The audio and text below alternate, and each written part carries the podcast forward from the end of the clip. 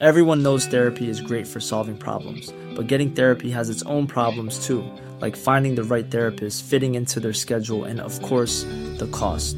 Well, BetterHelp can solve those problems. It's totally online and built around your schedule. It's surprisingly affordable too. Connect with a credentialed therapist by phone, video, or online chat, all from the comfort of your home. Visit betterhelp.com to learn more and save 10% on your first month. That's BetterHelp, H E L P. Ryan Reynolds here from Mint Mobile. With the price of just about everything going up during inflation, we thought we'd bring our prices down. So to help us, we brought in a reverse auctioneer, which is apparently a thing. Mint Mobile unlimited premium wireless. Ready to get 30, 30, bit to get 30, bit to get 20, 20, 20, bit to get 20, 20, bit to get 15, 15, 15, 15 just 15 bucks a month. So, Give it a try at mintmobile.com slash switch. $45 upfront for three months plus taxes and fees. Promo rate for new customers for limited time. Unlimited more than 40 gigabytes per month. Slows. Full terms at mintmobile.com. Hey, it's Danny Pellegrino from Everything Iconic. Ready to upgrade your style game without blowing your budget? Check out Quince. They've got all the good stuff shirts and polos, activewear, and fine leather goods, all at 50 to 80% less than other high end brands. And the best part?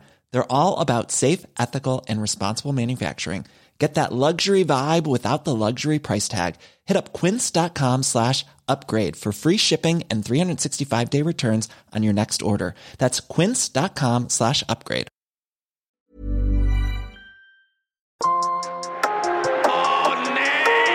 Skärpta straff för olaglig maskering. Läget är tufft. Det var en seger för Malmö FF, men en förlust för svensk fotboll. Sveriges damlandslag i fotboll är nu långt från nu krävs ett smärre mirakel. Det står fyra man och ska interpretera mig med frågor.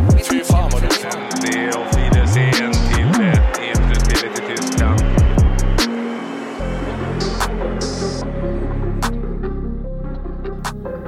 Blågul framtid om krisen i svensk fotboll. Det är avsnitt tre i den serie som jag och Erik Edman eh, ju kör igång här på Fotbollskanalen. Och, ja, Erik Edman, du var ju lite orolig. Du har ju mycket erfarenhet. Tre mästerskap, fem titlar i svensk fotboll, över tio år utomlands i bland annat Premier League och ligan och Nederländerna och Tyskland och Italien. Ja, du har varit nästan överallt. Det är otroligt. Men det är lite så att eh, du på allvar är orolig för var svensk fotboll är på väg.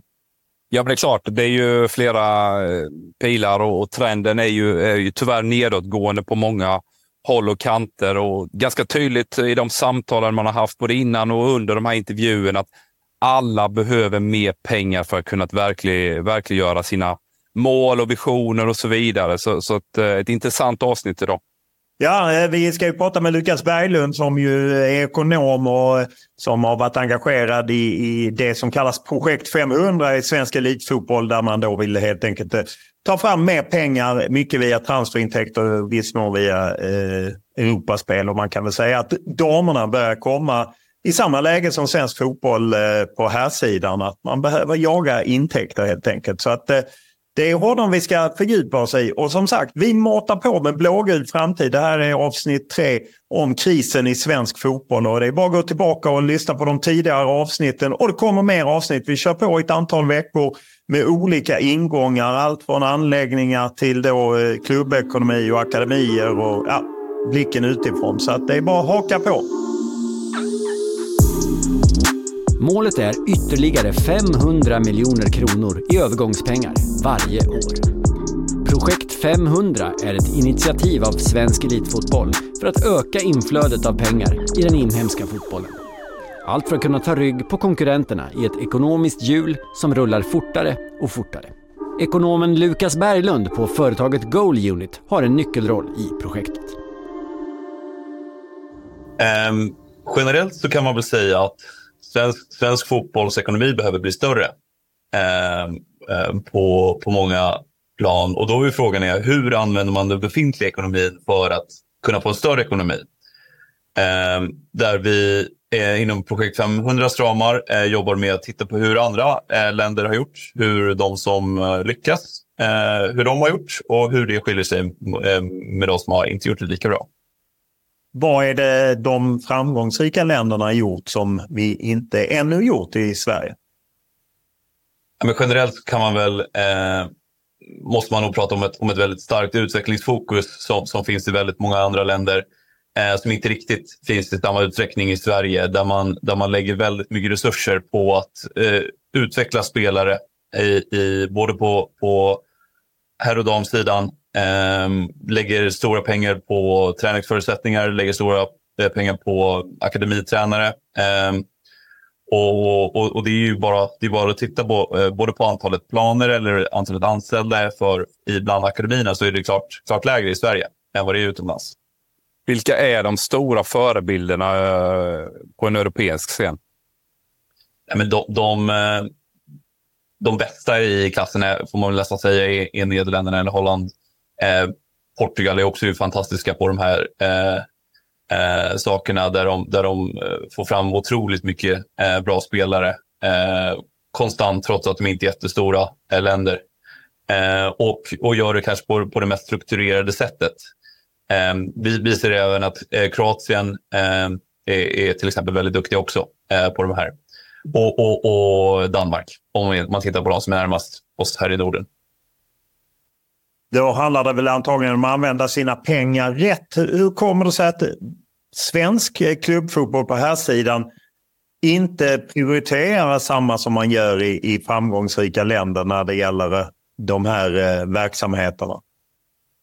Det, det, är ju väldigt svårt att, att, att svara på. Ehm, eh, det kan väl kanske vara ett, ett, ett, en, kanske en övertro att färdiga spelare eh, presterar eh, på en väldigt hög nivå och att man inte riktigt har samma tidshorisonter eh, i, i beslutsfattandet som man har eh, på andra platser. Eh, det är ju väldigt tydligt över tid att pengar ger effekt så att säga. Både klubbar och ligor blir ju på något sätt, eller ska i varje fall spegla hur mycket pengar man har. Hur kommer det sig att allsvenskan är sämre än sina intäkter om man jämför intäkterna i, i, i Europa? Eh, nej men, det tror vi till, till stor del eh, beror mycket på att man, man lägger en relativt liten andel på, av sina intäkter på eh, träningsförutsättningar, på akademier och på, på utveckling generellt. Eh, och vilket gör så att man inte får upp eh, lika högkvalitativa unga spelare eh, eh, som, som man får i till exempel Danmark. Plus att man inte är lika bra på att hålla dem hos sig eh, heller. Att vi, vi har ett, ett relativt stort läckage av eh, väldigt stor talang i Sverige. Där vi ser spelare som Rooney Budgie, Dejan Kulusevski, Victor Nilsson Lindelöf, Elanga eh, och så vidare. Nu kanske Mel Mellberg, eh, det senaste exemplet, som, som går väldigt tidigt ifrån Sverige. Eh, där, där de bevisligen eh, ja, eh, i, i, lyckas locka de här spelarna med någonting annat utomlands. Det här läckaget ser vi knappt alls i Danmark. Eh, vilket är, ja. Hur mycket spelar förutsättningar som man får som fotbollsspelare eh, jämfört med att man kanske får bättre betalt? Jag, jag inbillar mig ändå att uh, Atalanta lockade Dejan Kulusevski med bättre ja. betalt än vad han hade i Brommapojken. Mm.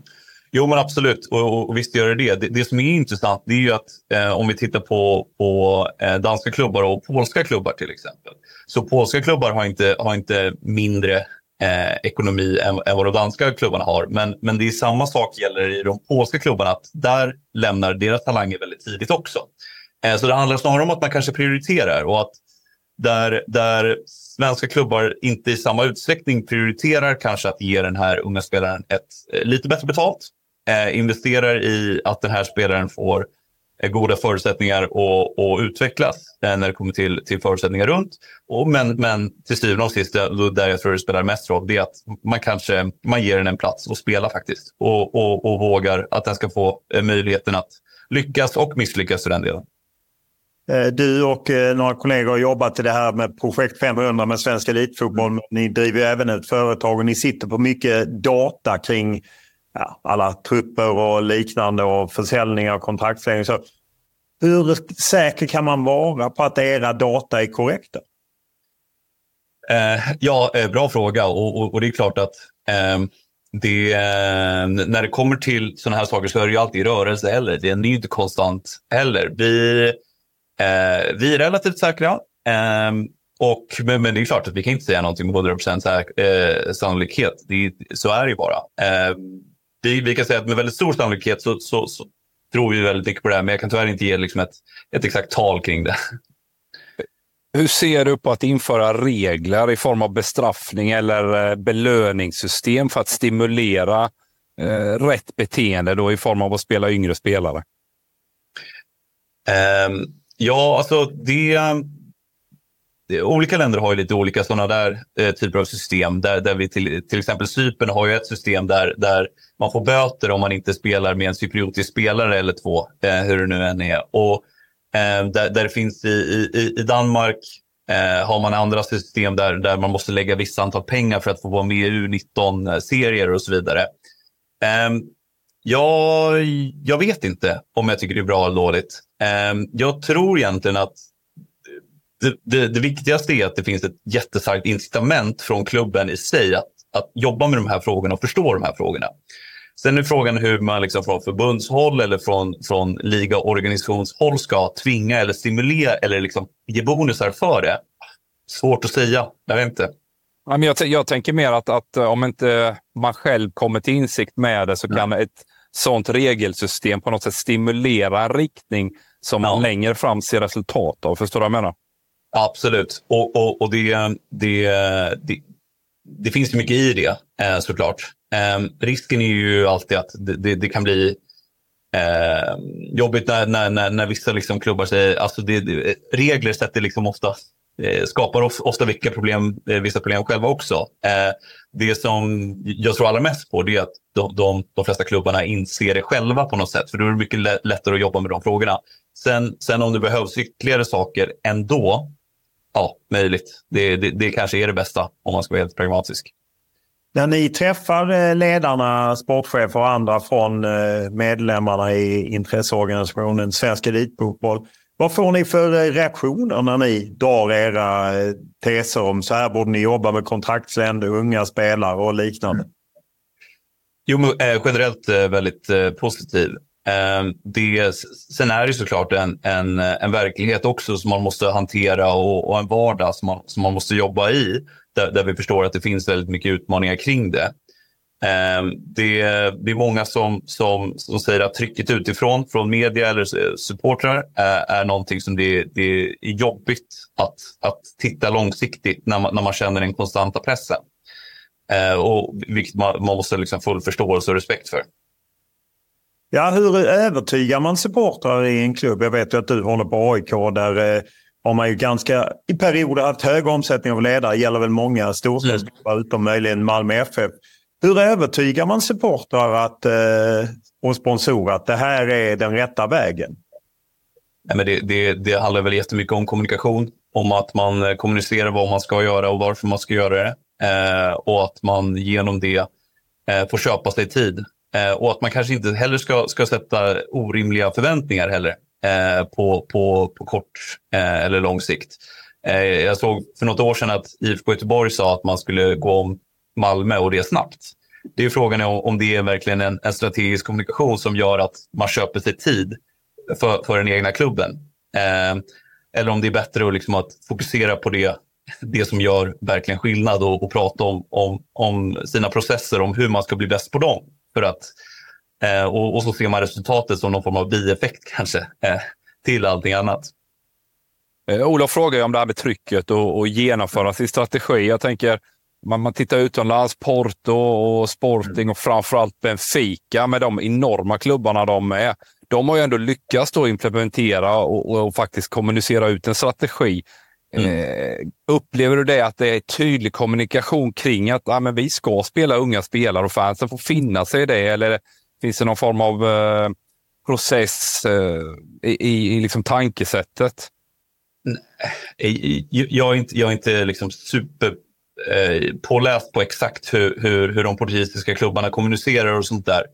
Eh, det, det, man, det jag tycker vi ser är att det finns en väldigt liksom, tydlig kultur i, i, bland de stora klubbarna i, i Portugal och att man sätter en stolthet om att, om att vara den som är bäst på att utveckla unga spelare.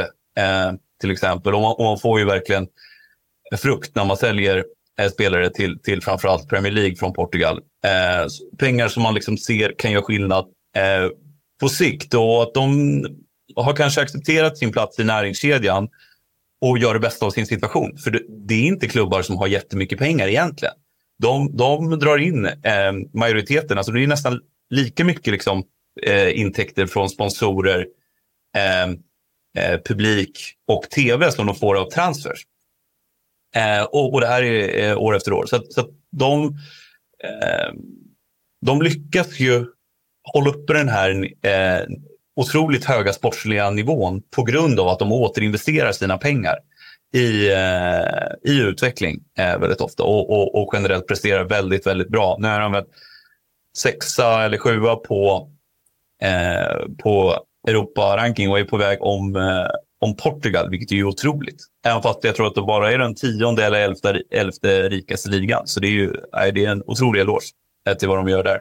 Och få fram duktiga, ett bra landslag också, får man väl lov att säga. Det, det, det sitter ju ofta ihop. att och, och, det är väl intressant att prata om, om det i dessa tider, att bra klubblag eh, som har ett starkt utvecklingsfokus ger ju inte bara eh, framgångar i, i Europaspel för klubblag, utan det ger väldigt ofta framgångsrika, eh, framgångsrika eh, landslag också.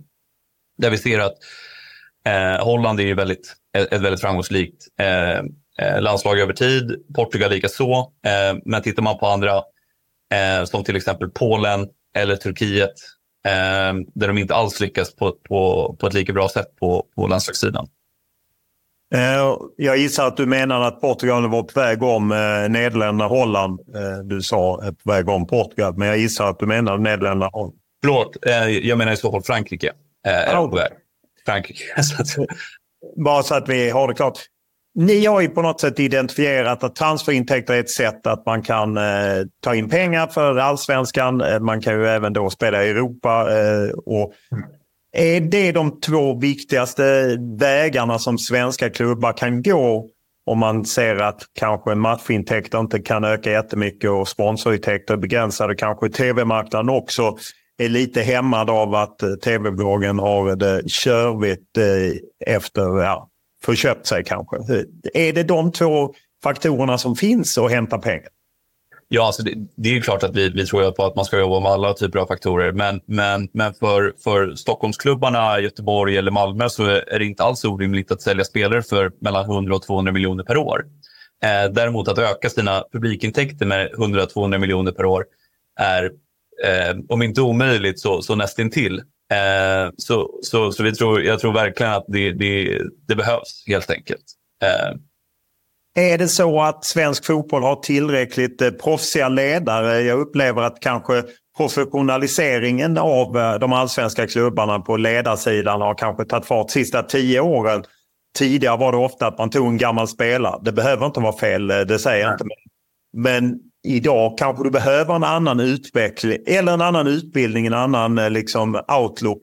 Upplever du att man är tillräckligt professionella?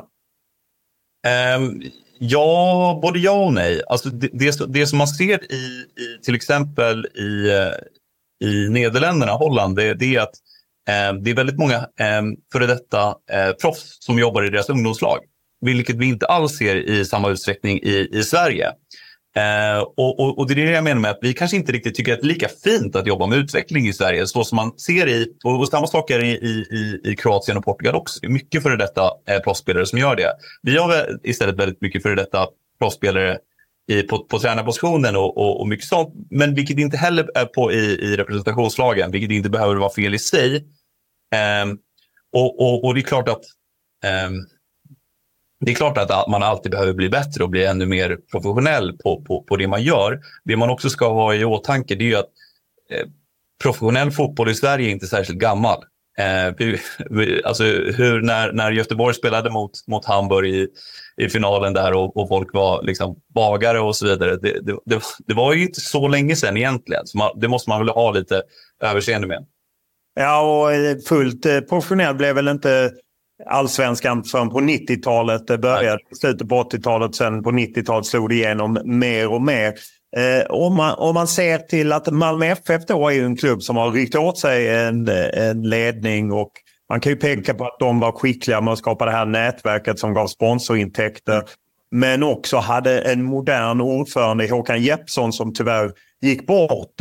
Hur mycket har den faktorn i att han ju stakade ut att vi jobbar med strategin, sen har vi tjänstemän som jobbar med den dagliga driften. Så har det ju inte varit ofta i svensk fotboll. Nej, och jag tror att det varit eh, helt, eh, jag tror att Malmö hade varit på en helt annan plats eh, om, om inte han hade genomfört det här arbetet. Eh, öka, ökat liksom sponsorintäkterna och legat på en helt annan nivå än vad de andra svenska klubbarna har gjort. samtidigt som man, man, man gick till eh, Europaspel eh, med en väldigt, väldigt ung trupp. Så man sålde ju spelare för, för väldigt, väldigt mycket pengar samtidigt som man presterade. Och, det, och, och fick det, liksom det bästa av två världar, vilket eh, vi tycker det är lite synd att man har gått ifrån det unga spåret. Vi ser ju att de får upp otroliga, eh, otroliga spelare från, från, från sin akademi. Eh, Hugo Larsson är väl kanske senaste bästa exemplet. Nanasi blev väl eh, utsedd till, till årets spelare i, i allsvenskan. Eh, men, men, och att de får in ytterligare mer, men kanske inte riktigt liksom, ja, eh, låter de här spelarna spela i den utsträckning som de kanske förtjänar. Om man tittar då på ett truppbygge, ta Malmö som exempel. Hur många spelare behöver de ett år de inte spelar i Europa, skulle du säga? Hur många spelare to totalt i hela truppen? Ja. Det, det, det vi ser eh, om man tittar på aggregerad data, det är att man, eh, mindre trupper vinner oftare egentligen. Eh, vilket kanske låter lite konstigt, men det är ju det är inte så konstigt. Har man, har man 100 miljoner så är det bättre att lägga det på 16, 17, 18 spelare än att lägga det på 25 spelare. Och framförallt i Sverige så spelar vi ju relativt få matcher om vi jämför, om vi jämför till exempel med de, med de engelska lagen och, och mycket annat. Och det är ju det är sällan det är två matcher per vecka och oftast är det bara en match per vecka. Och då, så det ska ju egentligen inte krävas så himla stora trupper för det. Det som jag också tror är positivt med att ha en, eh, med att ha en, en, en mindre trupp, det är att ja, men vad, om man har för mycket skador och så har man en avstängning, ja men visst, då får man ta upp någon från, från U19 och sitta på bänken. Det kanske inte är hela världen. Och är det hela världen då om man får spela 15 minuter någon gång? Nej, det, så farligt är det inte det heller. Utan att det är kanske snarare en, en, bra, en bra väg för någon in. Att få börja sitta lite på bänken i ung ålder. Få börja hoppa in. Och, och, och sen utvecklas under tiden. Eh, och så sparar man in väldigt mycket, mycket pengar på att ha en smalare trupp helt enkelt. Mother's Day is around the corner. Find the perfect gift for the mom in your life with a stunning piece of jewelry from Blue Nile. From timeless pearls to dazzling gemstones, Blue Nile has something she'll adore. Need it fast? Most items can ship overnight. Plus, enjoy guaranteed free shipping and returns. Don't miss our special Mother's Day deals. Save big on the season's most beautiful trends. For a limited time, get up to 50% off by going to Bluenile.com. That's Bluenile.com. This is Paige, the co host of Giggly Squad, and I want to tell you about a company that I've been loving Olive and June. Olive and June gives you everything that you need for a salon quality manicure in one box. And if you break it down, it really comes out to $2 a manicure, which is absolutely insane. It's also so easy to get salon worthy nails at home with Olive and June. The difference between how your nails used to look when you did them yourself and now with the Manny system is a complete game changer. The best thing about Olive and June too is it's a quick dry, dries in about one minute, lasts for five days, and full coverage in up to one to two coats. Visit oliveandjune.com slash perfectmanny20 for 20% off your first system. That's oliveandjune.com slash perfectmanny20 for 20% off your first system. Everyone knows therapy is great for solving problems, but getting therapy has its own problems too, like finding the right therapist, fitting into their schedule, and of course, the cost. Well, BetterHelp can solve those problems. It's totally online and built around your schedule. It's surprisingly affordable too. Connect with a credentialed therapist by phone, video, or online chat, all from the comfort of your home. Visit betterhelp.com to learn more and save 10% on your first month. That's BetterHelp, H E L P. Eh, om man tar en allsvensk eh, trupp, eh, hur lång tid tar det om man ska skruva om den till eran modell i, i att komma från yngre trupp? Det, det, kan ju åtminstone låta ofta så från tränare att ja, men jag behöver ett par egna transferfönster för att sätta min prägel på det. Hur lång tid tar det? Um, nej men alltså det, det, det beror ju på hur, hur, hur stark man är. Men, men alltså, två, tre år så kan man väl se att, Elfsborg har väl, eller kanske aningen mer, tre, fyra, um, har, har ju ändrats från att det var något annat till att de nu liksom eh, har haft en ung trupp. Häcken har haft en relativt, ung trupp förra året framförallt när de, när de vann eh, SM-guld och har fortfarande väldigt mycket unga intressanta spelare som kommer upp. Så det, det, behöver inte ta så himla lång tid och det behöver inte vara så himla dramatiskt som man kanske, eh, som man kanske tror. Och de flesta eh, allsvenska lagen har vid något tillfälle eh, haft en väldigt ung trupp. Det brukar generellt väldigt eh, korrelera med när de har dåligt med pengar. För när man har dåligt med pengar, ja, men då måste man spela med den här akademispelaren. Eh, som sen gör det väldigt bra och som sen kanske säljs utomlands och så får man mycket pengar. Då är frågan, vad gör man när man får mycket pengar? Eh, där vi har sett kanske i Danmark i en större utsträckning, det är inte, det är inte binärt, att man återinvesterar det, de pengarna i, i antingen sin akademi eller yngre spelare. Men att man i en att det är vanligare i, i Sverige eller i Polen att man kanske går, från, eh, går för en, en, en äldre, eh, lite mer etablerad spelare. Finns det någon eh, ålder som man ska sikta på att ha? Finns det liksom av alla er data att mm. det bör man ligga på? Um, alltså, att, att sälja spelare så är det i stort sett omöjligt att sälja från allsvenskan när de är över 24. Um, ehm, och det är ju klart att då måste man ju hinna värva dem och så måste de ha tid att utvecklas och sen ska de liksom få spela och göra det bra och sen ska man sälja dem. Så, att, så att det är klart att man måste ju ta dem tidigt. Um, vi, vi ser ju att eh, klubbar, klubbar internationellt, eh, många klubbar i, i, i Holland presterar ju väldigt bra med, med startelvor på med 23-24 i snittålder eh, helt enkelt. Och, och, och, och där Red Bull Salzburg är, är ännu yngre. De var väl yngst, yngsta nu genom Champions League-historia och, och, och, gör det otroligt bra. Eh, bevisar att det går. En annan faktor är ju det här med kontraktslängd. Att mm. Eh, det speglar ofta av sig hur mycket betalt man kan få. Hur står sig allsvenska klubbar i att skriva kontrakt? I, i, I, Sverige har vi ju så att eh, eh man inte får skriva mer än tre år på spelare under 18, vilket jag personligen kan tycka är lite synd. Eh, Eh, Vem har bestämt det? det? Det är väl eh, tillsammans, jag tror att det är, jag vet inte om det är förbundet tillsammans med, med spelarfacket som har kommit överens eller om det är Svensk Elitfotboll. Det, det, det har jag inte helt eh, koll på. Eh, men, eh, men de som skriver längst kontrakt, eh, vilket kan tyckas intressant, det är Varberg och Sirius eh, som har skrivit längst kontrakt på sina spelare. Elfsborg har också väldigt långa kontrakt.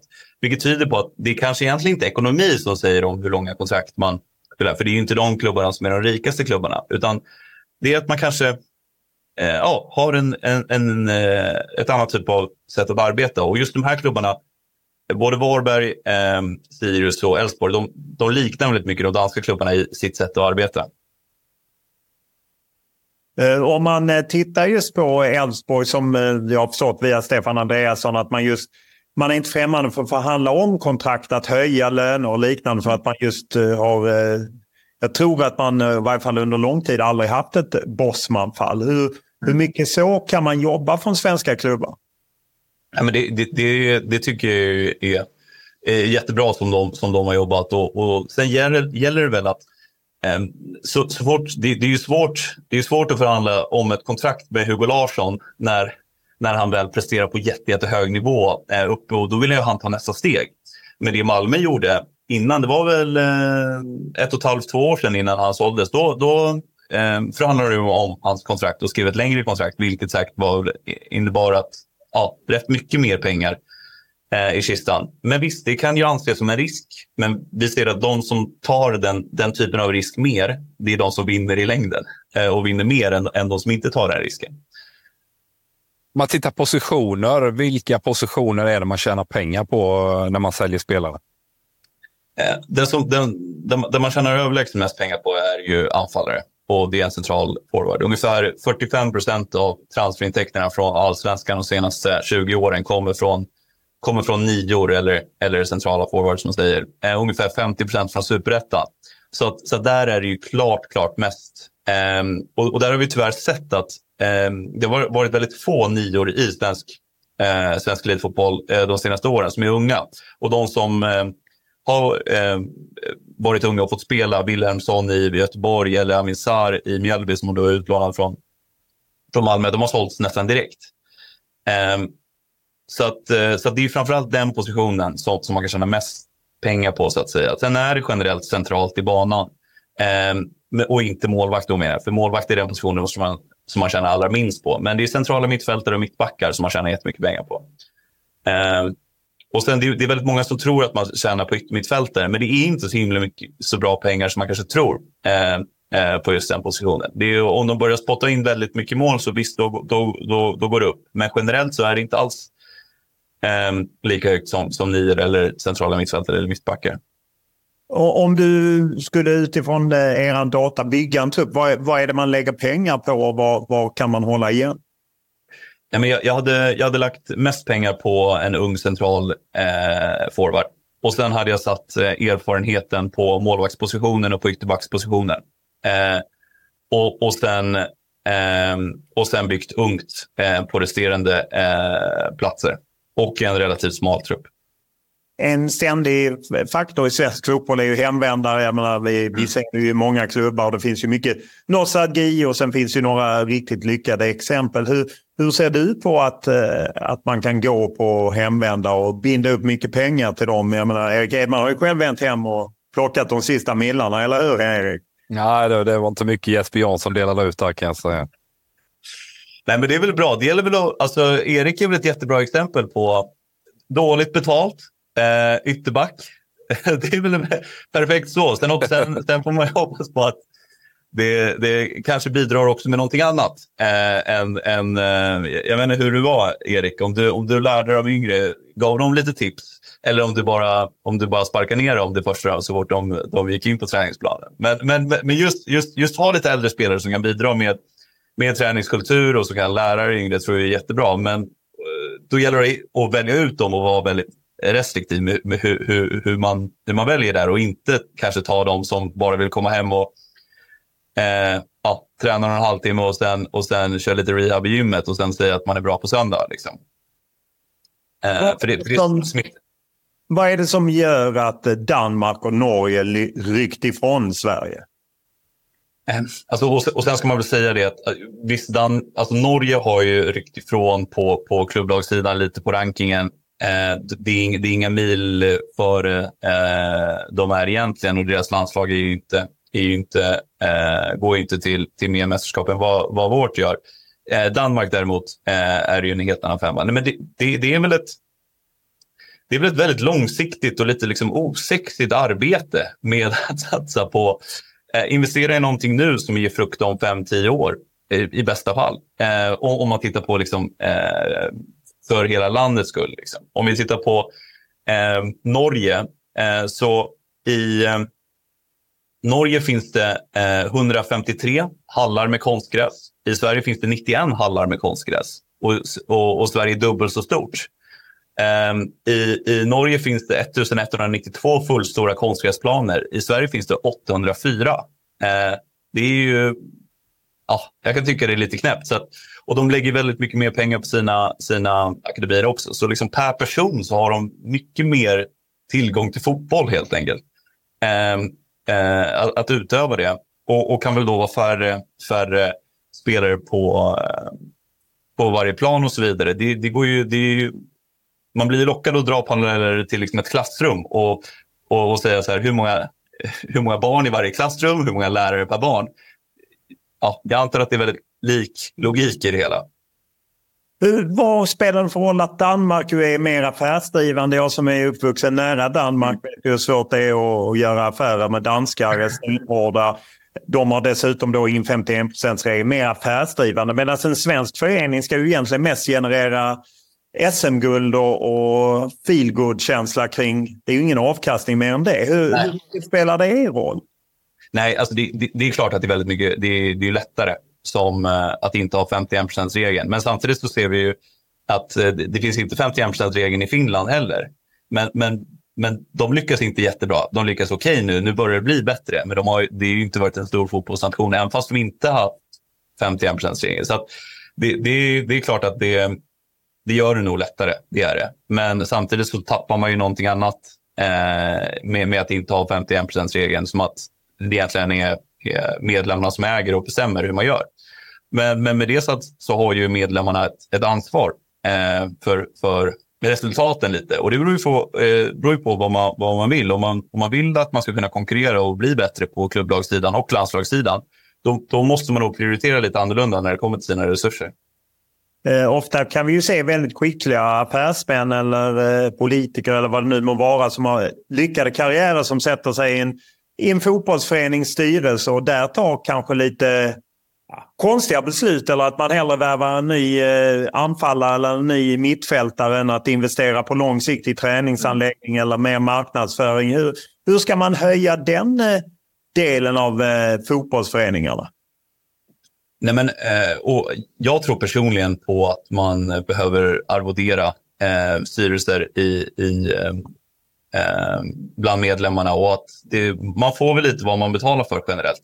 Eh, betalar man inte så mycket i strategisk kompetens så tror jag att man inte får lika mycket ut av det heller. Eh, för det krävs ju väldigt mycket alltså det krävs kompetens men det krävs också väldigt mycket tid eh, som en styrelseledamot ska, ska lägga ner. Och då, då, då, då blir det ju kämpigt om, om man ska göra det oarvoderat och man måste ha väldigt mycket annat, andra jobb och små, små sysslor för att få det att gå ihop. Eh, så det tror jag egentligen är den lättaste vägen att få bra personer som också har möjlighet att lägga, lägga tid och, och tänka och, och, och läsa sig in på, på de här frågorna. En eh, cirkus som ju alltid följer med med jämna mellanrum är silly season som ju vi i media gillar att skildra. Jag tror rätt många supportrar vill åtminstone läsa att deras klubbar är antingen på jakt efter något hett eller är på väg att sälja dyrt och så. Hur, hur mycket är det en faktor? Hur kan man som klubb isolera sig från det för att inte bli påverkad? Nej, men, eh, det, är ju, det är ju spännande med silly season. Det är ju klart att det, det, eh, det säger ju någonting om hur, om hur stort fotbollen är. Att även fast när man inte spelar så är det fortfarande jättehett. Eh, bara för vilka som kommer spela. Eh, men, men eh, på det sätt som klubbarna kan värja sig, att de vet ju det här. De vet ju att varje Eh, varje sommar och varje vinter så kommer det bli väldigt mycket tryck, externt tryck. Och då gäller det att ha en plan på hur man, hur man ska agera kring det för att liksom lösa det. Det är, det är ingen chock som egentligen borde ske eh, vid, något, vid något separat tillfälle. Men så, så jag tror att det, det, det, handlar om, om att vara, veta hur man ska agera och, och, och, och sen göra, göra efter. Liksom. Eh, och så att man inte blir för känslomässigt berörd och, och börjar fatta beslut baserat på magkänsla som, som sen kanske inte är särskilt goda och objektiva. Vi pratade med, med Stefan Alvén som är sportchef eh, på EFD och han, han mm. berörde det här att det är en ny marknad och nya förutsättningar på damsidan. Hur ser du trenderna på, på, på, eh, ja, för svensk damfotboll med damallsvenskan och internationellt sett? Eh, nej men det, det, generellt är det ju väldigt kul att det kommit in väldigt mycket eh, pengar i, i damfotbollen, främst på europeisk plan. Tyvärr så har ju eh, de svenska damklubbarna eh, inte riktigt hängt med i den här utvecklingen. Det, det liknar ju väldigt mycket efter liksom, Bosmandomen eh, på här sidan när, när, när det skedde. Eh, och väldigt mycket korta kontrakt, vilket gjort så att det har gått väldigt mycket eh, spelare till väldigt låg, eh, låg prislapp eller ingen prislapp alls Ehm, utomlands. Eh, och vi har inte heller lika goda träningsförutsättningar som, som, eh, som andra länder har internationellt, vilket gör att damallsvenskan är ju mer eller mindre fritt fall. Eh, ut, alltså, de, de tar väldigt, väldigt få poäng. Det var inte länge sedan vi var andra rankade i, i, i Europa, men nu, men nu tar väldigt få poäng per år. Och eh, till syvende och sist så kanske det kommer, kommer landa på en 20 plats, vilket hade varit väldigt tråkigt tycker jag. Men man måste liksom, ja, man, man får lite vad man förtjänar och tyvärr har man inte eh, varit tillräckligt liksom, proaktiva eh, till de här pengarna som kommit in. Men behöver man då inse att man ska vara en feeder League där man bara matar ut unga spelare och på något sätt eh, nischa sig på det sättet snarare än att man kan konkurrera med de större ligorna? Ja, alltså, det beror, man, man kan ju kalla det olika saker. Feeder League eller inte. Portugal är en Feeder League. Ja, det kanske det är. Men de, de, de är jävligt duktiga och, och presterar jävligt bra. Och du frågar om man tycker det är fint eller fult. Eh, jag tycker inte det är, är, är något fult med att vara väldigt duktiga på att ut, utveckla spelare. Eh, men ja, det är ju klart att eh, svensk dam, damfotboll kommer aldrig kunna konkurrera med, med de engelska eller spanska pengarna. Så är det ju bara. Eh, det, det är eh, större, större länder med, med ännu större intresse och, och, och där liksom näringslivet stoppar in väldigt mycket pengar. Så det, det, det, det är ju där pengarna kommer hamna. Hur, hur ska allsvenska klubbledare på damsidan övertygas om att de behöver skriva långa kontrakt där de på ett sätt riskerar lite Mm. Men i en tid på damsidan finns ju inte ens utbildningsersättning, vilket du får på herrsidan. Hur, hur, hur ska de förstå det? Att detta är liksom ett sätt att överleva? Att ta fram spelare och skriva långa kontrakt? Ja, alltså det är väl lite frågan, hur ska man annars göra? Eh, hur ska man annars få, få massa pengar? Eh, det är klart att eh, om, om, eh, om man har något, eh, har något sätt att, att få in 20, 20 000 på läktaren eh, varje match så är det kanon. Eh, sen är det då frågan, kan man få in 20 000 på läktaren och utveckla spelare eh, och göra? Då hade det varit det allra bästa. Eh, men, men jag tror att det, det, det, det, den sätter framåt om man vill tjäna pengar. För att precis som du säger, det är ingen utbildningsersättning eller någonting annat. Det, det, ett kontrakt är ett måste för att, för att kunna tjäna pengar på det hela. Um, och, och, och, det kan ju kännas tufft och jobbigt, men, men jag tror man inte har så mycket val. Vad tror du det betyder med alla dubbelklubbar? Jag menar, nu kommer AIK och Trelleborgs FF upp i allsvenskan. Vi ser Malmö FF är på väg upp. De är i elitettan och har tagit, de har inte förlorat en match. Vad tror du det betyder för att faktiskt stärka eh, damfotbollen och kanske kunna skriva längre kontrakt och bli mer eh, långsiktiga och eh, därmed kanske lite mer pengamaskiner? Ja, alltså det kommer väl sannolikt bli robustare klubbar. Eh, och där jag tror att eh, damsidan kommer hjälpa herrsidan och herrsidan kommer hjälpa damsidan. Eh, och sannolikt kan man kanske skära ner lite på kostnader och, och, och, och, och stordriftsfördelar eh, i det hela. Eh, och, och, och, och ser man internationellt så är det ju på damsidan är det ju samma klubbar som på herrsidan som, som gör det väldigt bra. Eh, och, och, och att tro att Sverige skulle vara något annat, det, det ja, det ska väl väldigt mycket till. Eh, men, men och jag menar, det är ju bara att titta nu med, med häcken, och, häcken och Hammarby som är, som är högst upp i, i, ehm, i damallsvenskan. Eh, och de ligger rätt högt upp i herrallsvenskan också. Och jag tror på om fem tio år så kommer det vara ännu likare på, på eh, herr och dam Och svenska. om du skulle ge råd till de som sitter i styrelsen, oavsett om det är dam eller herr, det låter lite likadant. Men vad är liksom de viktigaste grejerna de ska göra för att stöpa om sin verksamhet och gå mer mot eh, någon slags tålmodig, långsiktig, kanske lite osexig men tråkig väg som kanske ändå ger framgångar och pengar? Men jag, jag tror att eh, man, man, måste fokusera på, på matchen om fem år lika mycket på matchen på söndag på något sätt. Och att Eh, att försöka alltid ha liksom, blicken uppe, det är svårt, men, men, men man behöver det. Och att eh, tro på eh, att uh, tro på sin egen förmåga att utveckla spelare. uh, och, och, och, sätta stolthet i det. Uh, och jag menar, jag vet ju bara uh, stoltheten själv som, som AIK när man ser Alexander Isak gör väldigt bra saker. Uh, det, det, är ju, det är ju fantastiskt uh, att se. Uh, och även fast det inte är liksom AIK-tröjan så är det ju väldigt kul. Men, men att man liksom försöker med det här. För att det, det, är ju också det som, som gör att sin egen klubb blir, blir stark finansiellt och starkt eh, sportligt. Så att är en ordförande på något sätt lockas med en värvning inför den här mm. säsongen, kanske kan ta ett SM-guld, så ska den personen kanske hellre tänka att ja, men vi plöjer ner det i en extra tränare på akademin för att ge, ge, skörda någonting om 5-10 år. Ja, eller först och främst skulle jag försöka ta död på myten om att om man, så fort man värvar en 30-åring så vinner man SM-guld. Eh, det, det, finns ju väldigt lite som, som tyder på det. Eh, utan att det bästa sättet att nå framgång det är att vara långsiktig. Eh, skittråkigt, jag vet. Men, eh, men det, det, det, verkar vara det som, som, som funkar. Eh, vi, kan, vi kan ju bara titta på, på eh, lag internationellt eller nationellt, det, det, det, det tar tid. Och, och, och eh, det måste man liksom bli, eh, ja, tycker är okej på något sätt. Det finns inga, liksom, inga kortsiktiga beslut som kommer bara göra allting fantastiskt. Utan det är liksom det, det långsiktiga och tråkiga som kommer till sist eh, göra det bra. Det är väl ingen överdrift att påstå att det är lite tunga tider eh, för svensk fotboll. Eh, framförallt på här sidan men kanske även lite på damsidan när man missat första OS och klubblag. Och så. Eh, Finns det ändå hopp i att om, man, om, om klubbarna och, och intresseorganisationerna och fotbollsförbundet går i den här riktningen så kommer det inte bara gynna eh, klubbar och föreningar utan även landslag på sikt?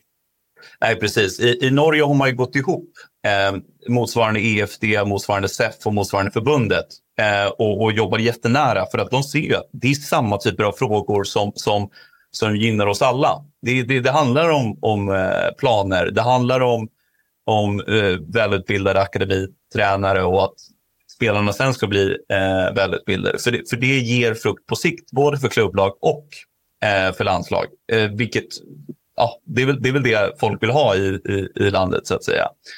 Eh, så att, eh, så att om, om vi, jag tror att, jag tror att man måste bestämma sig lite eh, för, att, för att göra det och sen, och sen göra det rätt så helhjärtat. Eh, det finns ju andra eh, exempel på, på länder som verkligen har bestämt sig. Belgien var väl, var väl så efter några missade mästerskap. Tyskland lika så, eh, där de verkligen la om, eh, började satsa klart mer på, eh, på utveckling helt enkelt. Och, och burit frukt, eh, både på klubblagssidan och landslagssidan. Så att det går att göra, men eh, tålamod är det du predikar helt enkelt. Ja, precis. Alltså, det, det är tråkigt. Och, och, och sen jobba på olika fronter. Jag tycker att det i, i, mm, i svensk fotboll så, så är man väldigt eh, och när det kommer till planbyggande till exempel så är man rätt fast om att det är kommunen som ska stå för hela kostnaden. Och, det, och, och, och, och visst, det är väl jättebra om kommuner vill investera i, i infrastruktur eh, kopplat till det. Men, men, men då är det klart, eh, eh det är mycket pengar för en kommun också. I Norge har man ju så att eh, där, där finansierar klubben en tredjedel, kommunen en tredjedel och deras motsvarighet till Svenska Spel en tredjedel. Så att man gemensamt gör det här eh, och stoppar in pengar. Och, och de har bevisligen lyckats få fler planer. Ja, det finns mycket att lära i, i både Danmark och Norge uppenbarligen. Man behöver åka till Portugal eller Kroatien för att ta intryck. Eh, stort tack för att du tog dig tid. Tack så jättemycket.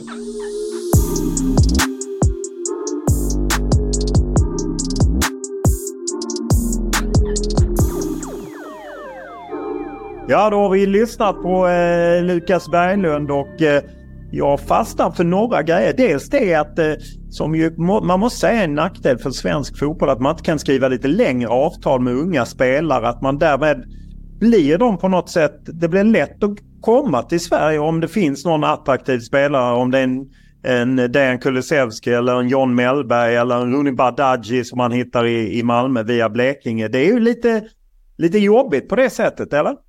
Ja men absolut. Eh, han, eh, Lukas tar ju upp ett par positiva exempel där med, med, med både Varberg och Sirius som har gjort det till en tradition eller en vana i alla fall att skriva de här längre avtalen. Och jag tror att det är ju helt rätt väg att gå. Eh, sen, sen förstår jag också, precis som eh, han är inne på också, att man behöver ta en risk när man då eh, ser potentialen spelare som kanske inte riktigt, riktigt ännu har slått igenom. Att man ändå är tidigt på bollen där. att att man erbjuder en förlängning och ett betydligt längre avtal kopplat till en högre ersättning såklart. Det var ju också intressant att höra honom hur han tycker man ska, man ska bygga en, en trupp. Att liksom man, eh, erfarenheten ska sitta på ytterbackarna för att där finns inte så stort värde. Man ska gärna ha erfarenhet kanske i mål men längre fram ska man ha yngre spelare och hela tiden spela eh, yngre. Att svensk fotboll har för hög medelålder eh, eller snittålder och man skriver för korta kontrakt. Och eh, det, det jobbiga här är ju att det som predikas är ju det som nog många människor har svårt för. Tålamod, långsiktighet och liksom inte gå för den här sexiga hemvändaren utan man ska istället tänka lika mycket på matchen om fem år som matchen på söndag. Det är ju inte lätt. Nej, absolut inte. Det är otroligt svårt. Eh, han tog ju upp en fika där, eller jag, jag nämnde det i något sammanhang också. Det är ju också otroligt tydligt hur systematiskt de har jobbat med sin talangutveckling. Ta Victor Lindelöf till exempel som var där nere, spelade bredvid Luisao, den gamla brassen. Sen stack han in med Ruben Neves, ung ny mittback bredvid Luisao. Nu har man Antonio Silva bredvid Otamendi så att du behöver ju erfarenhet runt de här unga spelarna men det är ju otroligt tydligt att har man någon duktig från egna leden då ska de in och spela tillsammans då med, med, med de här etablerade spelarna. Och det är ju systematik och, och liksom en, en affärsmodell som, som de har gjort i så pass lång tid nu och etablerat eh, ett rykte och en kvalitetsstämpel på sin verksamhet som gör att man också då kan ta otroligt bra betalt finns ju ett bra exempel till exempel i Sirius tycker jag med den här Malcolm Gäng som är en ung 05 mittback. Lite samma typ av tänk där. Han spelar match ut och match in. Eh, jag såg också Odense, jag tittade en del dansk fotboll där Odense har en, en ung 06 Tobias Slottshager som, som också då spelar bredvid erfarenhet. Så det är ju en väg kanske att, att gå och det är tydligt hur, hur man systematiskt och, och eh, bestämt väljer den typen av linje.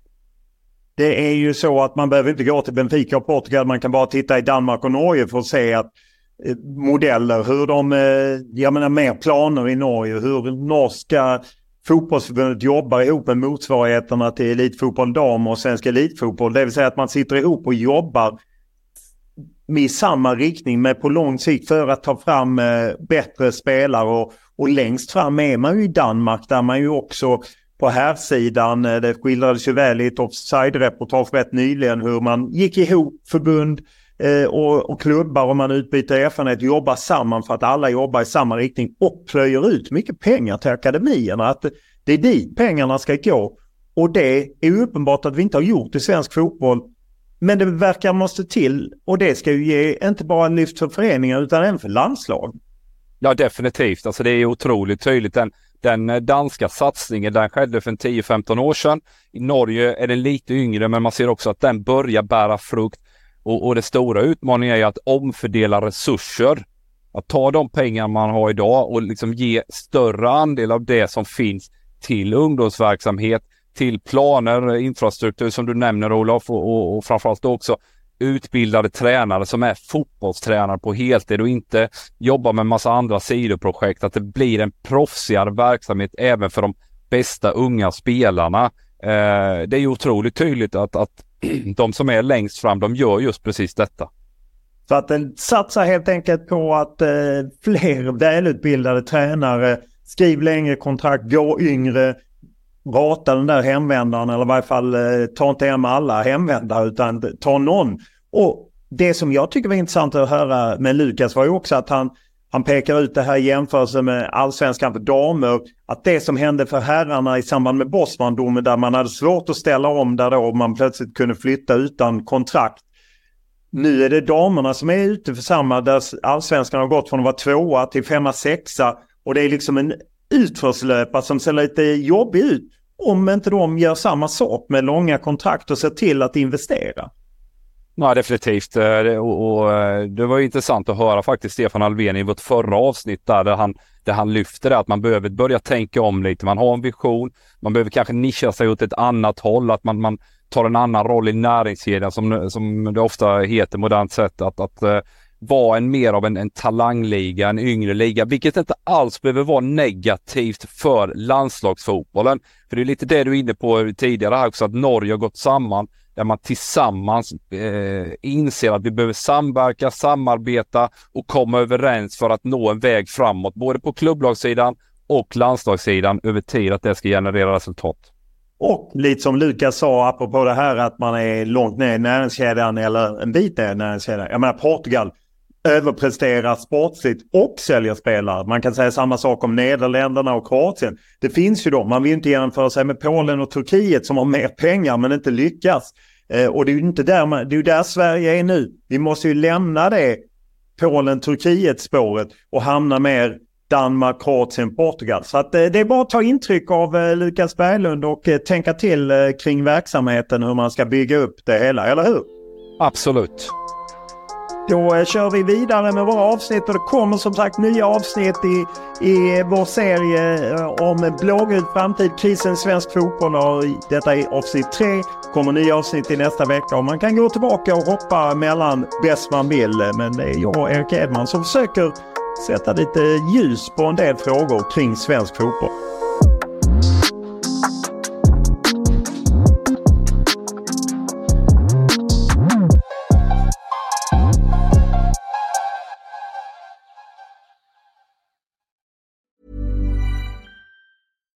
Deserves the best, and there's no better place to shop for Mother's Day than Whole Foods Market. They're your destination for unbeatable savings, from premium gifts to show-stopping flowers and irresistible desserts. Start by saving 33% with Prime on all body care and candles. Then get a 15-stem bunch of tulips for just $9.99 each with Prime. Round out Mom's menu with festive rosé, irresistible berry chantilly cake, and more special treats. Come celebrate Mother's Day at Whole Foods Market.